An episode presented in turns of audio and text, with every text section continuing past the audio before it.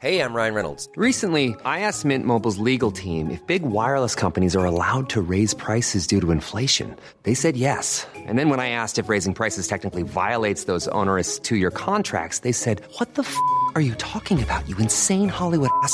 F- So to recap, we're cutting the price of Mint Unlimited from $30 a month to just $15 a month. Give it a try at mintmobile.com slash switch. $45 upfront for three months plus taxes and fees. Promo rate for new customers for limited time. Unlimited more than 40 gigabytes per month. Slows. Full terms at mintmobile.com.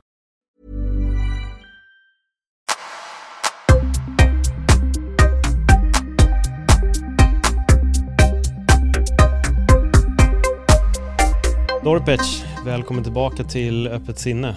Tack snälla. Du, eh, jag måste bara börja med att säga att för er som inte har hört eh, del 1 så ska ni definitivt lyssna på det först eller efter det här. Jag kommer länka i bion så att ni kan lyssna på det direkt. Eh, men jag vill bara säga till dig att det är ett avsnitt som har påverkat många. Det är fler som har skrivit till mig efter att de har lyssnat på det, som har blivit väldigt påverkade.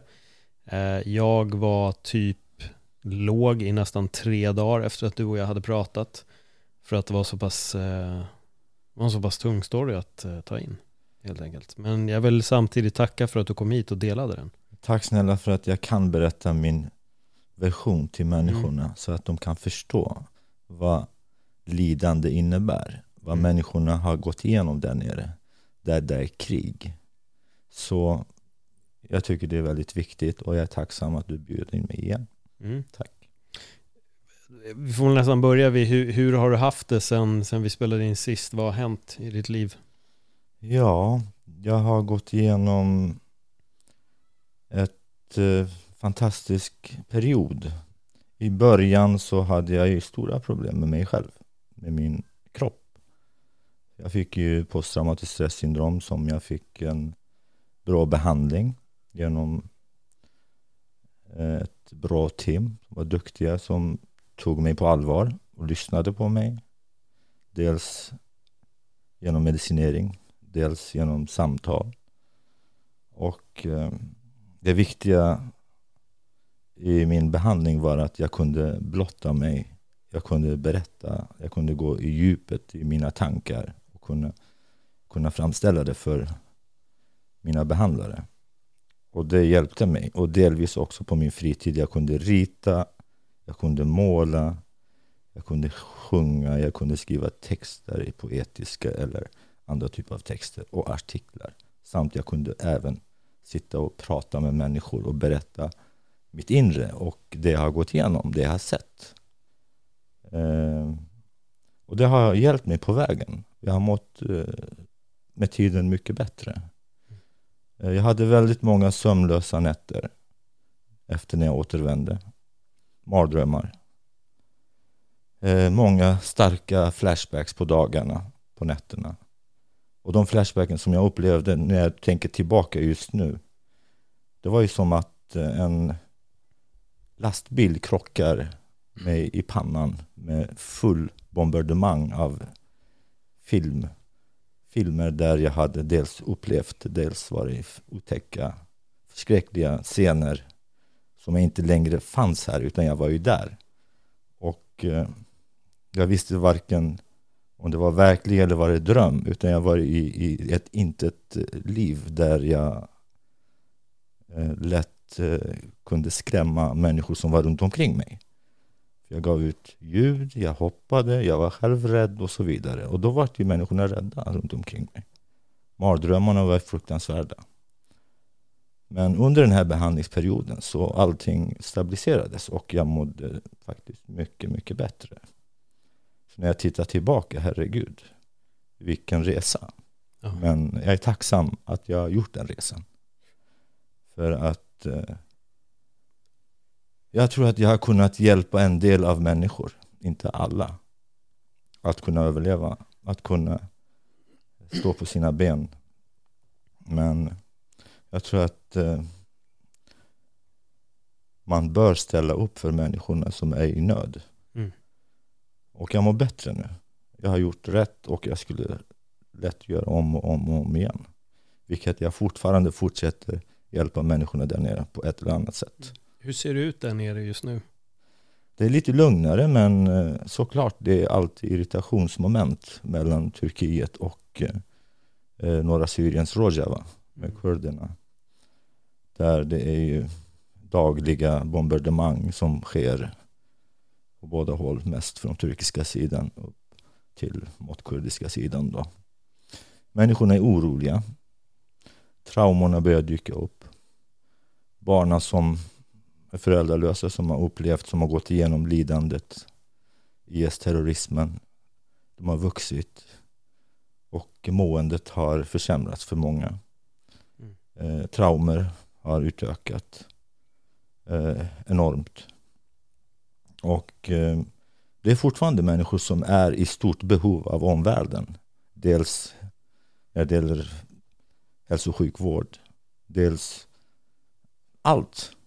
Jag menar, det är ont om arbete. De är i behov av jobb, att tjäna pengar och kunna försörja sig. Och eh, i den mån så människorna där är strikt i behov av omvärldens hjälp. För de har kämpat ett krig mot eh, monstren, IS-terrorismen och eliminerat dem.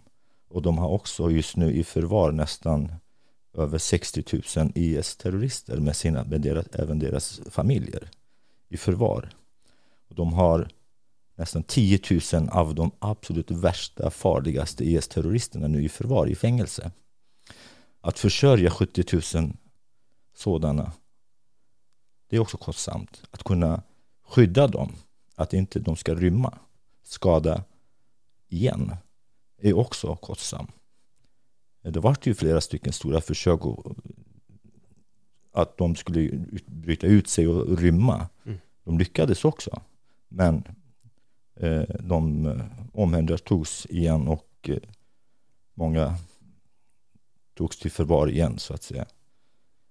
Så jag tycker att omvärlden bör tänka om över det som har hänt och hjälpa kurderna i den frågan så att de kan få den hjälp de behöver. Dels ekonomiskt och dels för att kunna bygga större fängelser där de kan bevara IS-terroristerna i förvar så att de inte skapar en oreda igen. Dels för Mellanöstern och dels för Europa. Mm. Och de som har rymt, alltså åkt tillbaks till europeiska länder, bland annat Sverige. De är ju en komplett risk för, för landet. För de här människorna, har du varit en IS-terrorist och medlem i den gruppen, då innebär det alltså att du kan bygga en bomb av saker och ting som du kanske handlar från vanliga affärer. Du kan alltså skapa en bomb som du kan spränga en hel kvarter bara hemma med olika typer av kemikalier som du kan legalt köpa på affärer. Mm. Och de går ju fria nu i Sverige, inte bara i Sverige utan på de flesta av europeiska länderna. Jag måste fråga, vad var din tanke när den här återvändardebatten drog igång? För jag vet att du har ju varit ändå aktiv där, mm. om vi tar det lite från den punkten. Vad...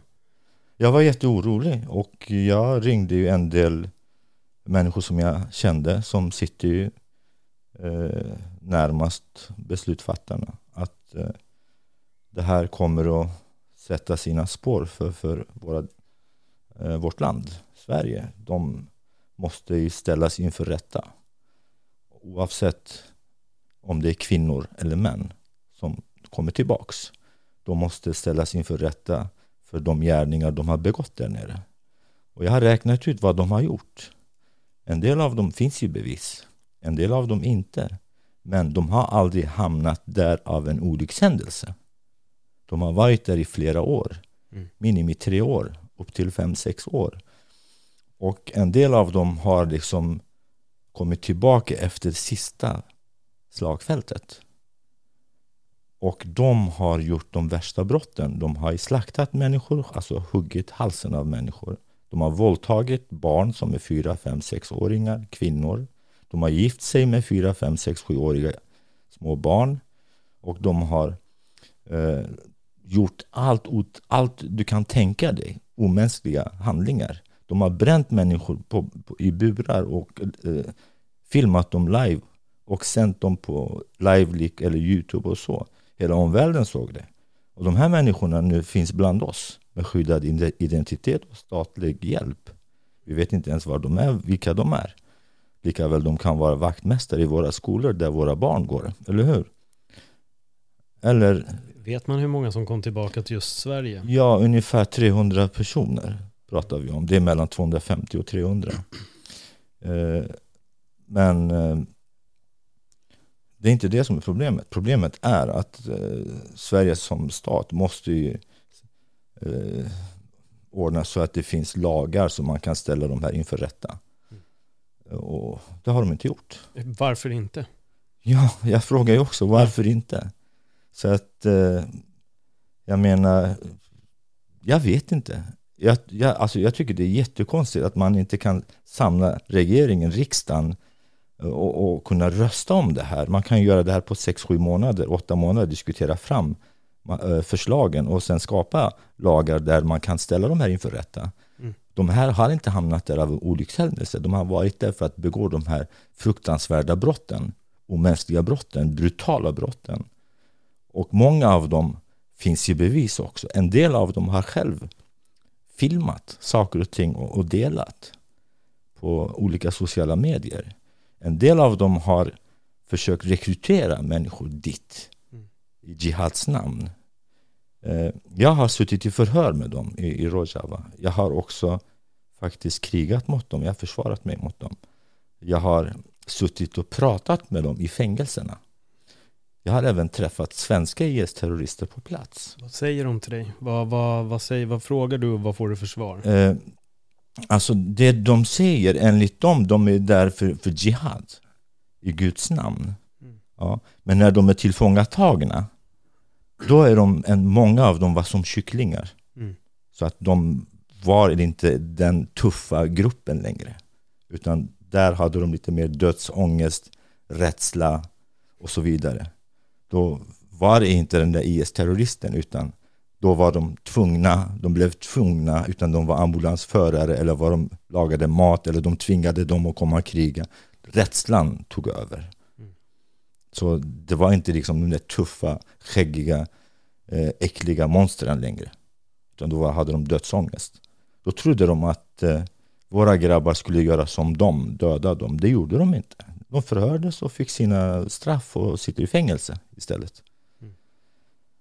Eh, när de är i en grupp, grupptrycket och där de lekte Gud, Tekbir Allahu Ekber, då trodde de att de skulle äga he- hela världen genom att eh, våldta, döda och eh, även eh, ta till alla medel. Alltså de rånade alla, dödade och tog de värdesakerna i Guds namn. Jag menar, var står det att man ska ha rätt att göra det här?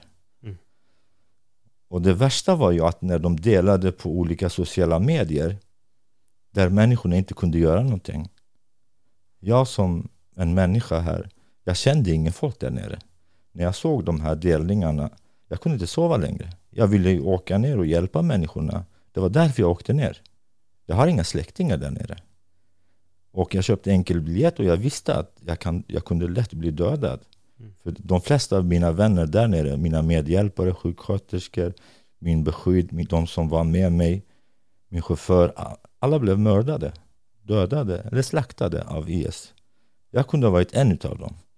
Men av mirakel så, så jag överlevde. Antagligen för att kunna berätta om de här sakerna. Eh, verkligheten där människorna får ta del av. Hur kapabla de här människorna är. Jag har haft liksom avstånd ungefär 10 meter där de kastade handgranater på oss. Där de skrek Tekbir Allahu Ekber. Alltså vi pratar om hundratals IS-terrorister i grupper. Och, eh, och sen raketer eh, föll ner. Och av, av damm och sten och bombljud. Jag trodde att jag var död flera gånger om och om. Men tack och lov att kurdiska YPG och YPG kunde, kunde försvara oss och kunde liksom eh, stoppa dem. Mm. Främst eh, kurdiska kvinnorna som var på plats. Jag fick väldigt mycket mod av just kurdiska kvinnorna som var på plats i, i, i frontlinjen. Och IS-terroristernas värsta fiende var ju kurdiska kvinnor. För det trodde de om de skulle bli dödade av kurdiska kvinnor, då skulle de inte hamna i, i, i, i paradiset. Jag hörde eh, från eh, Volki-Tolki. Vi hade Volki-Tolki som drog från 80 kilometer. Där eh, från första frontlinjen en IS-emir pratar med sin högsta emir. Och högsta emiren säger till honom, vad håller ni på med? Anfall! Och då säger han till honom på arabiska, då säger han till honom Jo men det är kvinnor, det är kvinnor framför oss som krigar. Det är kvinnor, de vågar inte anfalla. För att de ska inte hamna i, i helvetet. Men det blev deras helvete. För de 12 kvinnorna som var på första frontlinjen, de eliminerade nästan 75 stycken av dem. Så de kunde inte komma fram. De flydde. Jag måste bara fråga dig, va- varför hamnar man i helvete ifall... Jo. Jag antar att de blir mördade av en kvinna, Ja. men, men, men va- varför? Va- För det är ju... Det, det, det är som haram eller? vad? Det är som haram ja, Ja. enligt dem. Mm. Så att, eh, och det är ju helt sjuka tankar liksom. Ja. Jo, men alltså att, att attackera är en sjuk tanke. Mm. Jag menar, du leker Gud i Guds namn.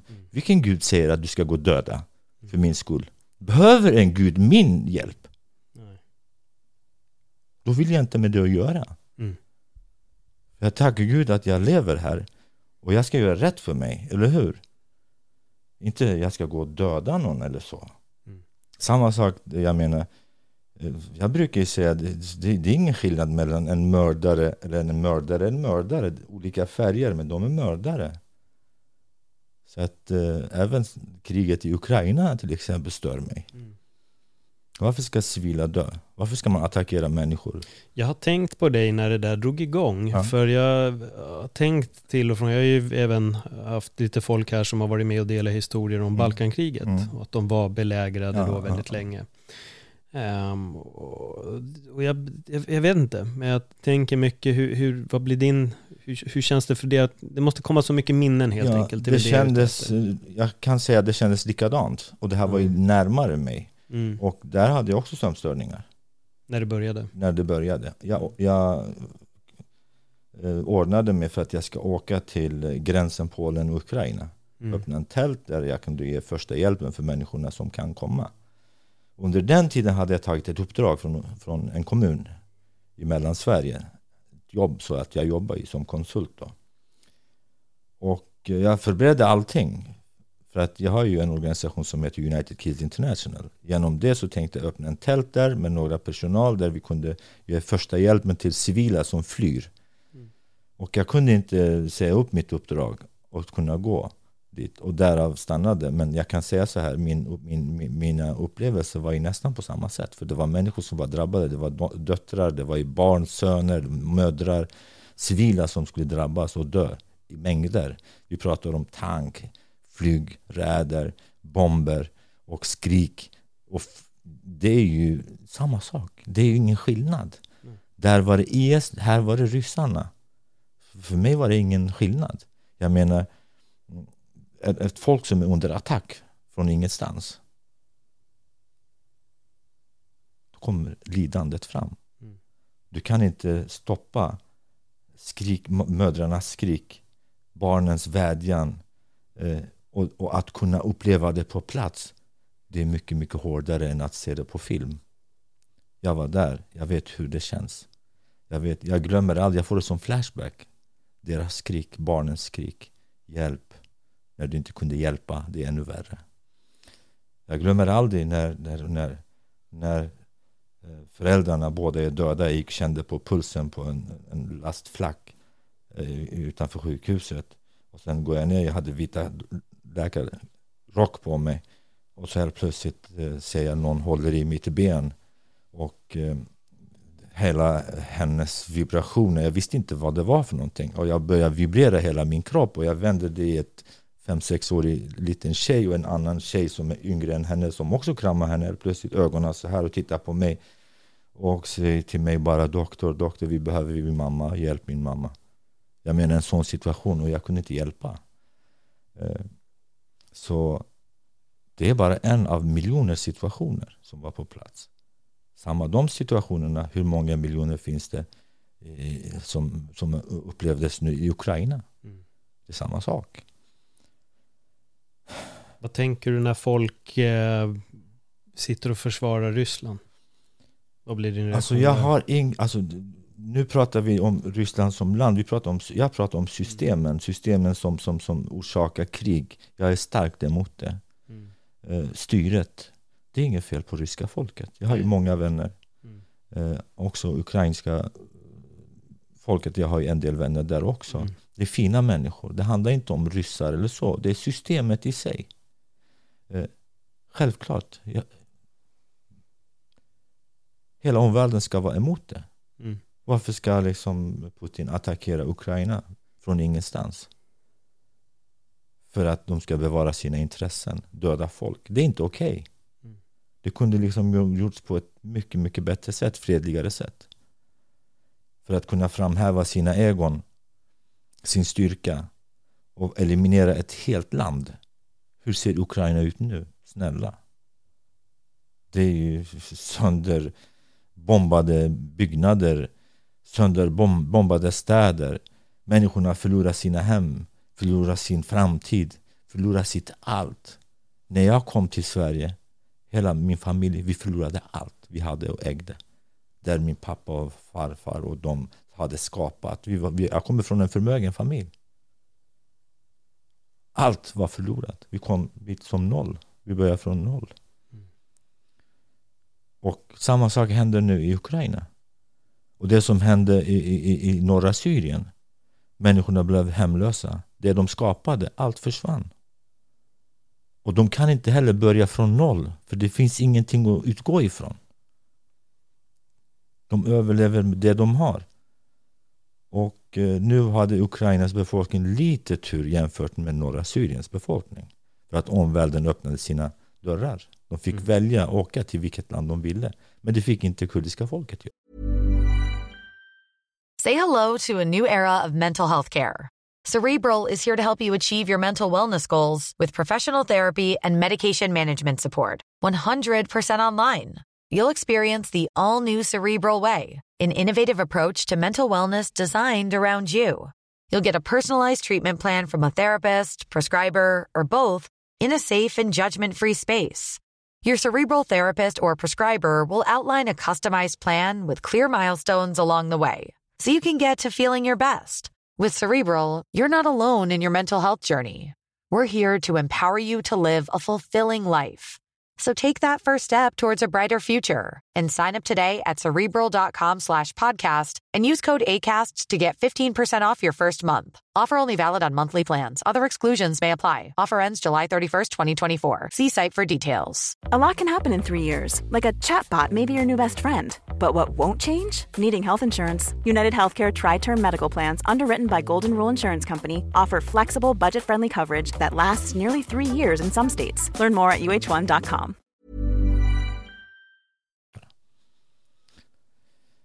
Och det är ju vissa komplexa svårigheter. Men eh, att eh, lidandet är likadant. Det är inget frågetecken på. Mm. Så att, eh, och sen att det är ingen skillnad mellan mördare. Det är olika färger, men det är samma. Mm. Jag brukar säga att det är samma skit. Hur var det för dig att komma hit? Eh, Under de omständigheterna som ni kom till Sverige. Som du säger, ni var en förmögen familj och kom Ja. hit fick börja om från noll. Alltså jag var ju äldsta barnet, jag var ju 13 år då. Eh, Och min farbror han var ju stjärnadvokat, han blev likviderad på sin kontor av paramilitärer. Precis på samma sätt som IS gör- Mm. i norra Syrien och så. Den andra farbrorn, mig, han blev också dödad, begravd, levande. Så vi, visste inte, vi vet fortfarande inte var han är någonstans. Och många andra av våra familjemedlemmar försvann spårlöst. Eh, Många blev fängslade, till och med 15-16-åringar. Lång fängelsestraff, en del dog i fängelset. Senare tid då. Mm. Och eh, min mamma och eh, de, hon med lite pengar och guld genom en annan eh, släkting eller eh, familjevän eh, försökte hjälpa mig för att kunna smuggla ut mig. Så den vägen. Om man skulle kunna berätta de tre första dagarna där jag lämnade min mamma med mina små syskon eh, mot en oviss framtid. Att inte veta vart du ska hamna någonstans. Jag skulle säkert kunna skriva tio böcker. För när man, man, man vill du lämna Sverige för gott. Nej. Bli tvungen att lämna. Nej, Jag vill inte bli allt. tvungen att lämna. Mm. Att någon tvingar dig. Mm. Antingen ska du dö, fängslas eller så. Mm. Och, och det är oerhört. Det är fruktansvärt. Och, och, och den känslan går inte att beskriva i, i, i skrift. Mm. Jag brukar rita.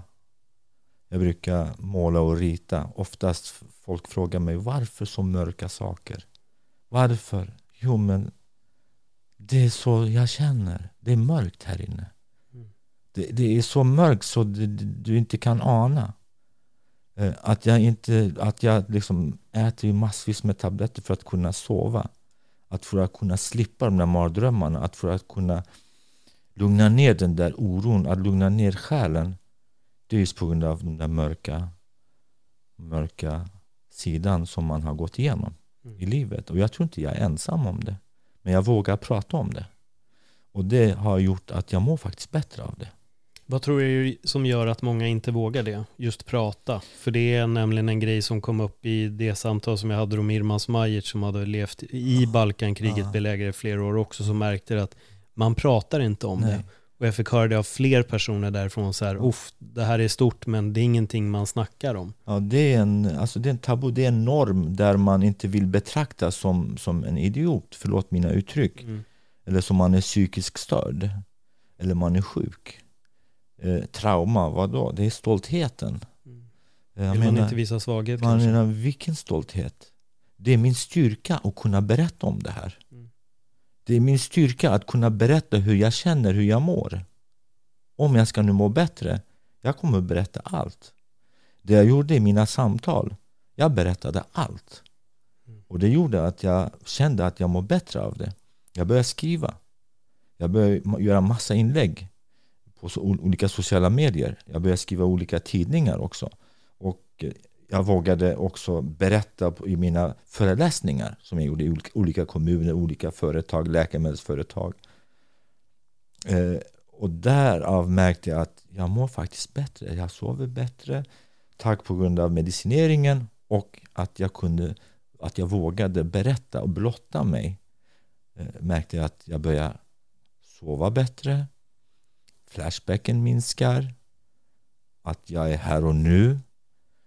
Oavsett om flashbacken kommer då kan jag skilja från verklighet och flashbacken eh, att jag kan leva med det.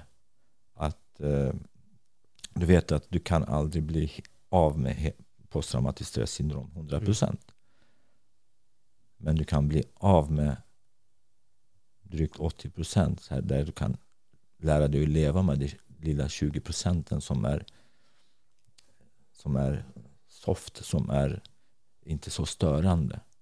Jag får ju flashback fortfarande, men ingen märker det numera. Och, eh, och då skiljer, då vet jag att det är ju det, utan jag låter bli liksom, jag är här och nu. Eh, I och- vilka sammanhang får du flashbacks?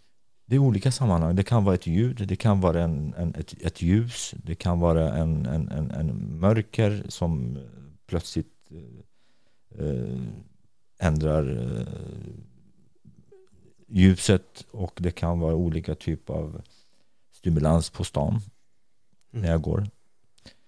Eller olika, eh, om jag sitter på en tåg till exempel. Om det är olika typer av eh, högfrekvent ljud kan det vara. Eller från ingenstans. Som jag inte ens har tänkt på. Så pang säger det. Eller om någon pratar om någonting och därav något ord emellan som rör av i de tankarna som jag brukar tänka och så, så kan det dyka upp också. Men ibland dyker det upp från ingenstans.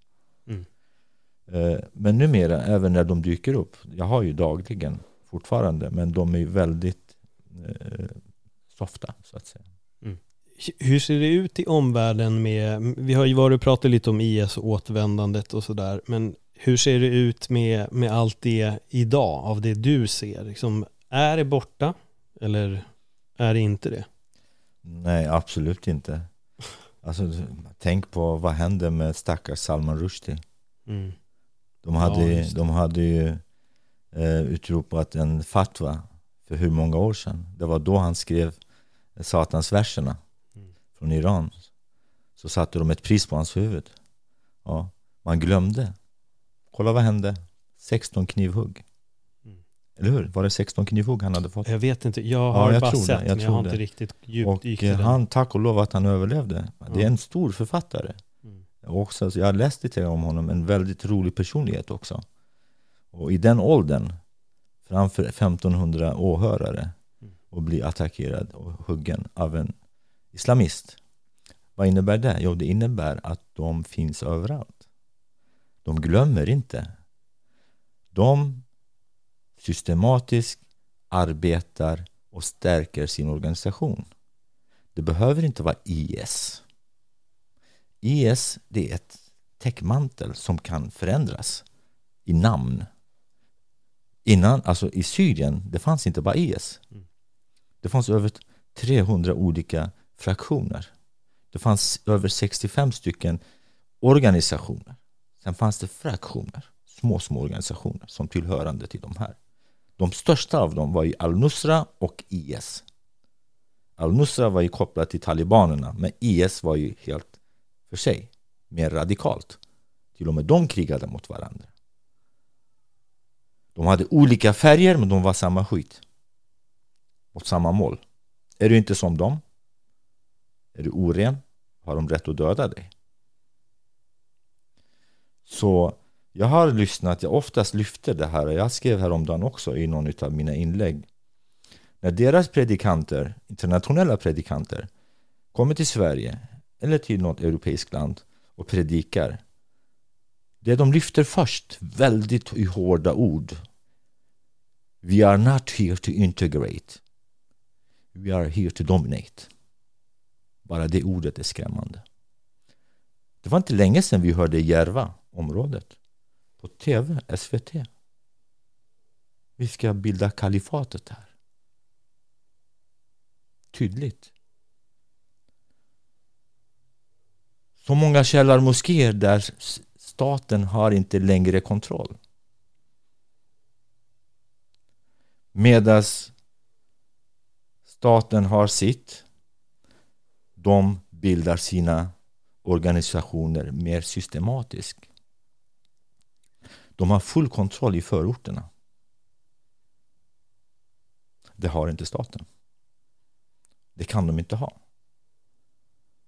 Och därav, jag såg ju häromdagen och, och, och, och eh, det här är otroligt. Det här är liksom, man mår inte bra av när man ser det här.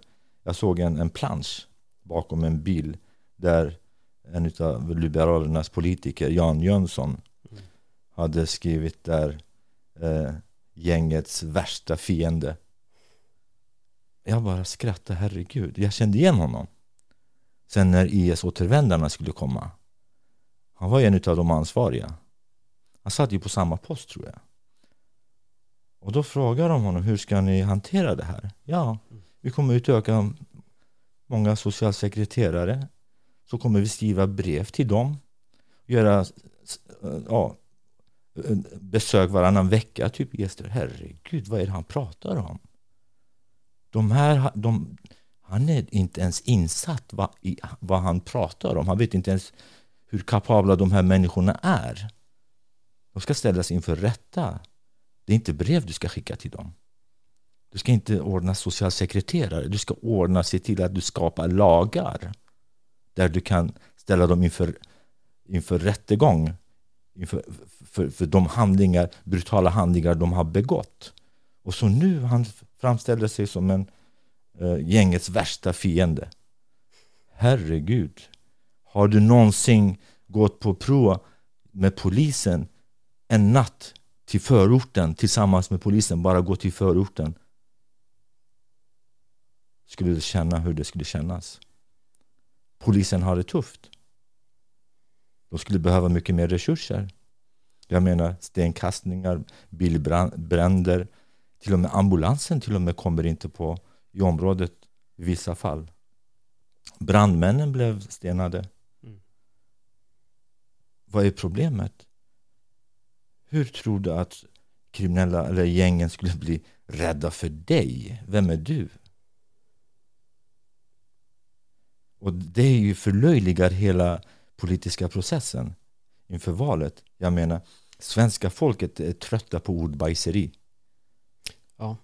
De behöver konkreta handlingar, konkreta planer. Plan A, plan B, plan C. Vad har jag för resurser? Hur ska jag hantera det här? Hur ska jag se till att det här blir stopp?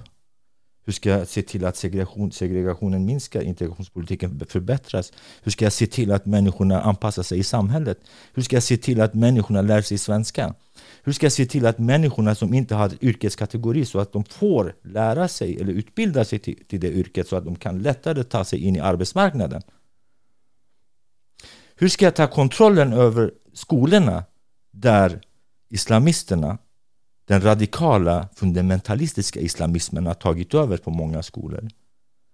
Se till att ha kontrollen där våra barn inte lärs in av de brutala ideolog ideologierna. Så att när de växer och då är de 15-16 år så har vi ett samhälle som vi inte känner igen. Och, och, och det måste vi diskutera. Inte för att vi ska framhäva oss. Vi är, ja, jag bara skrattar. Alltså jag delade en inlägg igår just om honom Mm. som jag tyckte var väldigt ironisk och eh, han hade ju också eh, delat en, en dans och han hade också senare tid, han hade han blev ju väldigt hårt kritiserad av många och han hade skrivit en text då eh, ingen handling, ingen plan hur ska det hantera det här? Så tyvärr så att svenska folket är trött, trötta. Men vilka åtgärder skulle du vilja se i det här läget då, av gängets värsta fiende för att det verkligen ska hända någonting? Alltså hårda tag tycker jag. Börja med lagar. Stärk eh, polisens eh, resurser. Stärk Säpos resurser. Eh, se till att eh, öka straffsatsen. Eh, eh, se till att eh, eh, att barnen får de utbildningar de behöver. Att börja från liksom förskolorna. Eh, förbjud alla religiösa friskolor. Av, eh, sluta med, med hjälpinsatserna till de moskéer som, som är eh, sponsrade av, av utländsk, utländska länder, typ Saudiarabien, Qatar, Turkiet, Iran och så vidare. Eh, för att det jag hör ifrån en del av mina vänner som bor i de kretsarna, i de områdena, jag får ju samtal och jag träffar ju dem också och de berättar liksom hur pass Eh, aktiv de arbetar för att verkligen se till att hela förorten gör så som de säger. Till exempel under ramadantiden så går de runt och knackar på dörrar eller flickor som går med tajta jeans eller med kjol eller om någon äter någonting på vägen så de går fram och antingen ja, tafsar på dem eller glåpord eller uh, talar om för dem att de ska dra härifrån och, och så vidare. Och så knackar de på dörrar till exempel. Till vissa familjer och talar om för dem typ vi tycker om er så era dotter gör så och så går med tajta byxor eller med kort kjol. Vi tycker om dig så är det någonting som händer henne så är det inte vi. Det här är ett hot. Och det här händer ju liksom. Det här är ju vardags det här får jag information av människorna som de har berättat för mig eftersom jag skriver om det här så tror man att jag kan komma fram och jag ringer till folk som är insatta i det här så här händer det i förorterna hur ska vi hantera det här? Att kunna se till att kvinnans position förändras så att de lättare kan komma in i samhället i förorterna. För det är många kvinnor, det är kvinnan, det, det är hemmets huvud, överhuvud i förorten. Och man ser till att kvinnan eh, lättare kommer in i samhället, får sin position, där man kan också få ta tag i barnen. Så att de inte utbildas i, i källarmoskéer utan de kommer till våra vanliga skolor. Och se till att eh, skapa jobbmöjligheter till ungdomarna. Där de kan eh, komma in i, i arbetsmarknaden. Eh, så att de inte eh, hamnar i ett gäng utan arbete, utan pengar. Sen även det här med, med, med att eh, eh, det är väldigt många ungdomar numera har en kriminell belastad bakgrund. Fast de är ute och de kan inte få jobb. Och eh, anledningen är att de har en viss belastning. Men de här måste ju vidare också. Och, och, och se till att eh, de här ungdomarna får möjlighet att kunna arbeta antingen kommunalt eller statlig någonstans där de kan placera.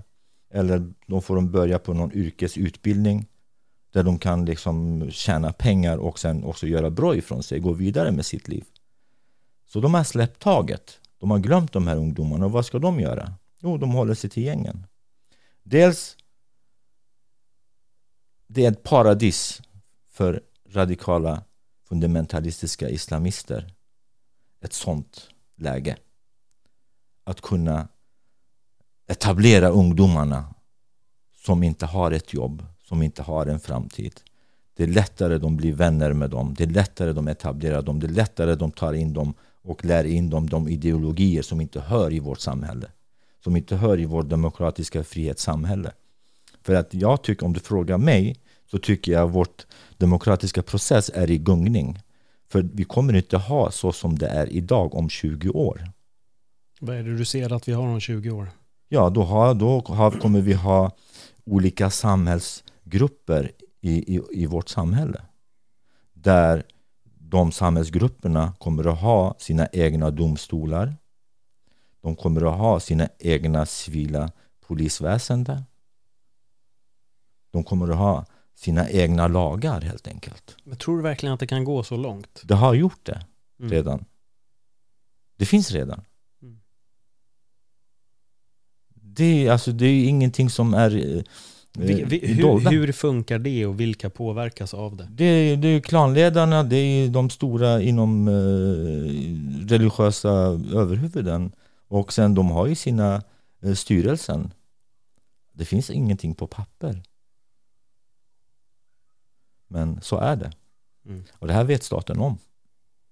Det är ingenting som är gömt. Men tror att det här kommer påverka, om vi säger så här då, den vanliga svensken, om man nu får eh, säga det så krasst liksom. Ja men såklart det kommer, det kommer påverka. Vanliga svenskens barn, de går i skolan. Mm. Så kommer de träffa de barnen. Ja. Och vad kommer att hända? Snart kommer de säga nej, det är ingen gris i den här skolan. Mm. Och du äter ju gris. Du är oren. Redan nu pratas det i skolan. Hur oren man är just på grund av mina ätvanor. Mm. Just på grund av min klädsel. Just på grund av min hårstil. Just på grund av min könsidentitet. Min sexuell läggning. Det problemet finns. Det är många barn som blir kränkta. Många ungdomar blir kränkta. Många rä- föräldrar som är rädda. Många föräldrar som är livsrädda för sina barn på fredagar och lördagar numera när de går ut ska ha roligt. Sömnlösa nätter om de blir sena. Varför? För att de ska bli borttagna eller vad? För att med tanke på det kriminella verksamheten har ökat. Mm. Eh, våldsamheten har ökat. Oron har ökat. Och såklart som en förälder, det är fullt förståeligt. När ens barn är ute, ens dotter är ute. Tänk om hon blir våldtagen. Tänk om hon blir dödad. Tänk om hon blir bortrövad. Tänk om hon blir slagen. Tänk om hon blir nerspottad. Det var inte så förut. Eller hur? Så den känslan finns nu. Jag ska inte förstora det här. Det handlar inte, det är ingen katastrof. Mm. Men jag liksom tänker om vi skulle leva så som det är just nu låta bli liksom våra förorter låta bli att engagera våra ungdomar vet du att det är fantastiska ungdomar i förorten det är så kloka, så fina ungdomar när de inte har någon gren att hålla i vad kan de göra? Det är klart han ska hålla med sin vän det är klart han ska hålla med sin granne. Det är klart han ska hålla med de grabbar som är i förorten. Jag har suttit och pratat med många av dem. Alltså jag håller på att gråtfärdig. Det är ju fantastiska ungdomar. Det, de är fullt av glädje egentligen. Men vi har misslyckats. Det är våra naiva politiker som har misslyckats med vår integrationspolitik. Mm. De har släppt taget. När man, alltså det här är jätteviktigt, när man tar emot en behövande som kommer från ett land där kulturella normerna är hundra års skillnad då måste man tänka också att de har flytt ett krig dels de har fullt med traumor, med problem eller hur? Dels de här normskillnaderna det viktiga är man måste också berätta när de kommer här hit för den här familjen hur det här samhället fungerar lite samhällskunskap, lite kunskaper om lagar, lite kunskaper, utbildning om vad demokrati innebär. För det innebär inte att jag ska kränka dig. Yttrandefriheten innebär inte att jag gör vad som helst för att du inte kan säga någonting. Utan den respekten, de gränserna måste ju finnas. Och sen att också förse dem med rätt utbildning så att de får lära sig svenska för att kunna gå vidare i svenska samhället. Så att de också de får en, ett arbete. Har de inte utbildning så får de lära sig ett yrkes kategori yrkesarbete. Förut fanns det AMU-center på 80-talet, 70-talet. Arbetsmarknadscenter. Där man fick lära sig som plåtslagare, man fick lära sig som målare, bilmekaniker. Det var typ två, tre terminer.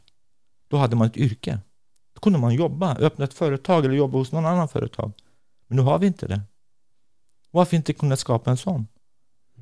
För vi har otroligt många som är arbetslösa i våra förorter.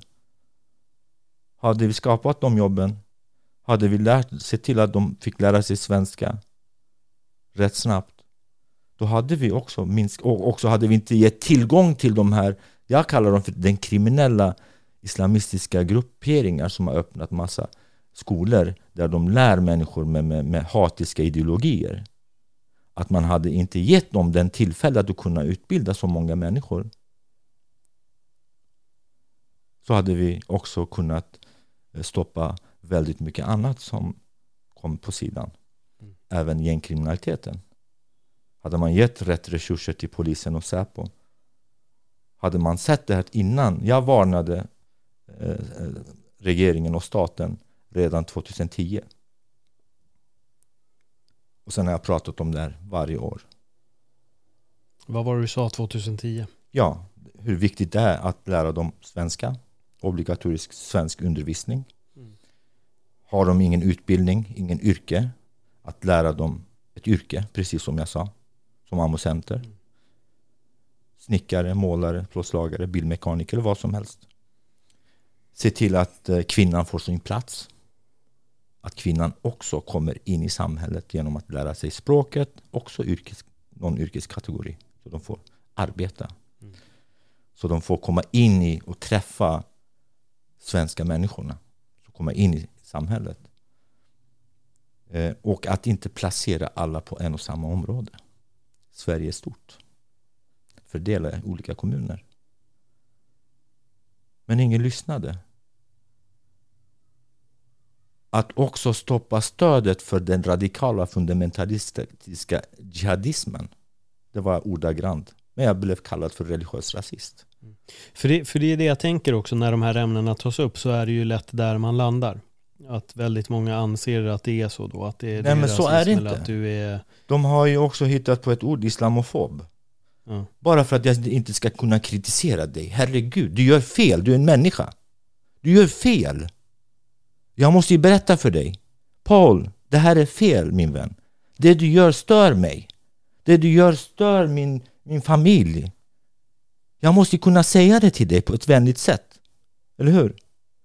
När jag gör fel, du talar om för mig, det är okej. Okay, men varför jag, när jag säger till dig, det är inte okej. Okay. Jag har bestämt mig jag ska gå och bränna en bibel själv. I säkerhetsstory.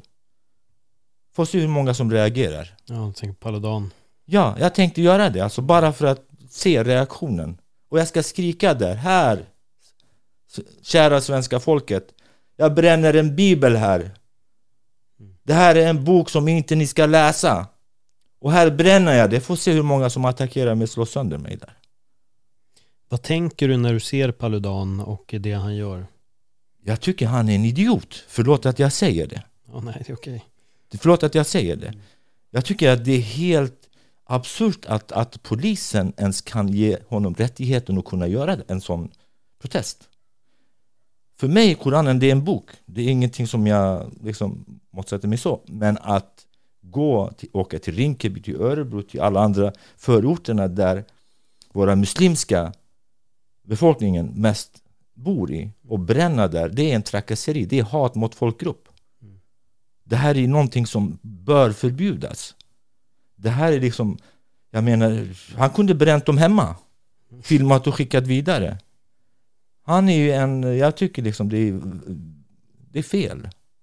Det är fel att, att, att polisen ger rätt till honom att kunna utföra de här eh, idiotiska eh, utställningar. Det här, det här är sjukt. Det här är inte okej. Okay. Det är hat mot folkgrupp och det, det, det är liksom det, det, han trampar ju sönder människornas känslor.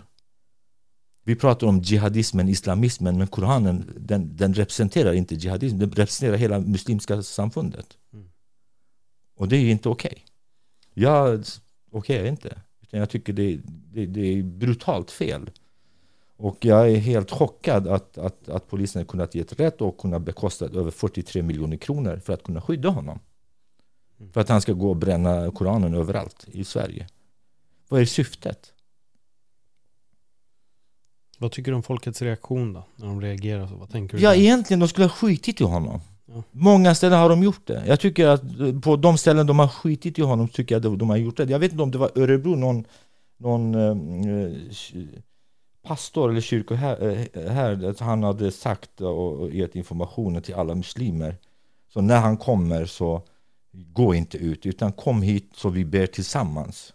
Och jag kommer att då, eh, se till att eh, ringklockan slår. Vad heter den i kyrkan?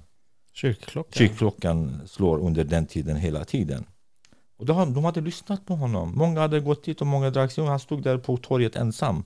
Mm. De sket i honom. De skulle ha gjort det. Ja, jo, så att, jag menar, vem, vad, vad gör han här? Ja. Vad gör han här? Varför ska han bekosta svenska samhället 43 miljoner kronor? Mm. Och plus gå trampa sönder folks förhoppningar och nerver. Det är ju hela muslimska samfundet vi pratar om. När jag kritiserar det är jihadismen, det fundamentalistiska radikala islamismen jag pratar om. Mm. Jag pratar inte om muslimer. Jag pratar om extrema. Mm. För mig extremister, det är samma sak om det är höger, vänster, det är likadana. Så är det. Olika färger, samma skit. Olika färger, men det är samma skit. Mm. Ja, så är det. Så att eh, jag tycker han är ju rent av en idiot. Mm. Han är en skådespelare som, som vill uppnå någonstans och eh, jag tror att han har gjort det också nu. Och svenska staten har hjälpt honom tillväga. Mm. Och det är inte så man gör. Vill han diskutera fram, jag skapar en debatt, vi kommer sitta där. Allihop, jag kommer också. Mm. Men det är inte det. Han vill rätt trampa sönder människornas känslor och kränka. Och det är precis samma sak vad IS-terrorister gör. Nu han bränner Koranen, men han skulle, kunna, han skulle kanske gjort något annat också. Om han hade den tillfället. För han har den mentaliteten. Trampa sönder andras känslor. Så länge den mentaliteten finns, då finns inte ett varmt hjärta hos dig.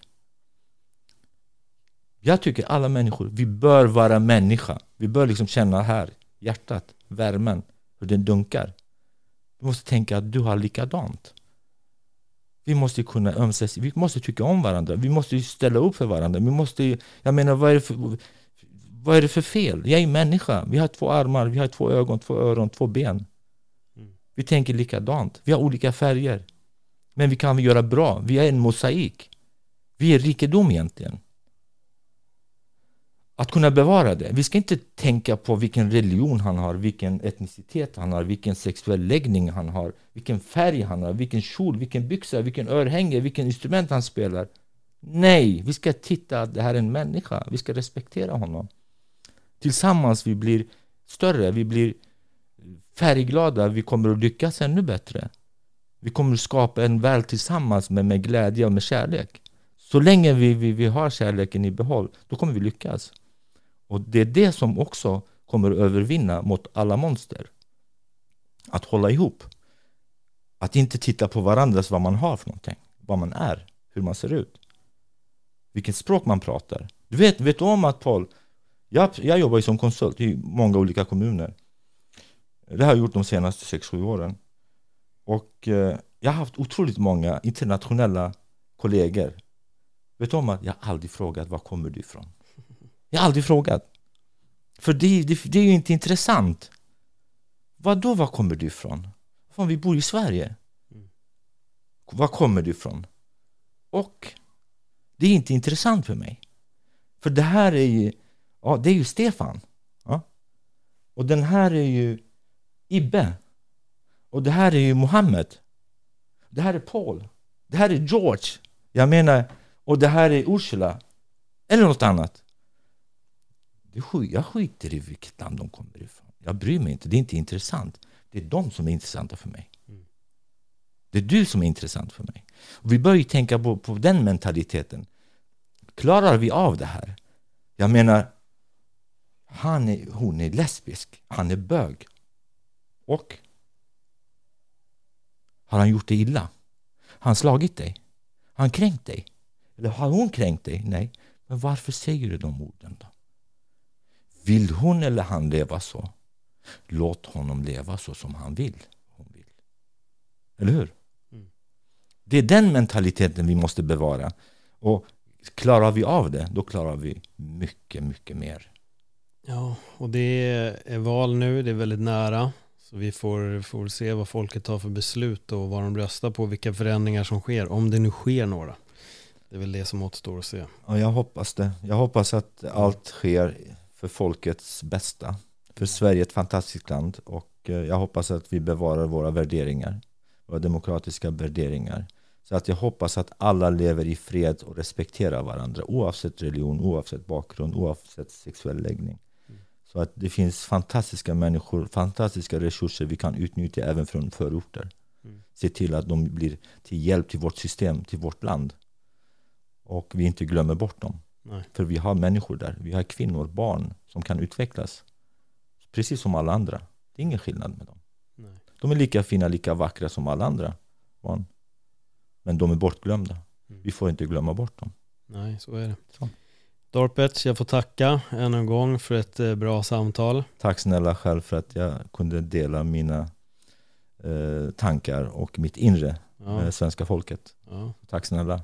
ja men tack så jättemycket. Det har varit eh, mörker och ljuspunkter, Ja, så det har varit lite, Absolut. lite överallt med det här.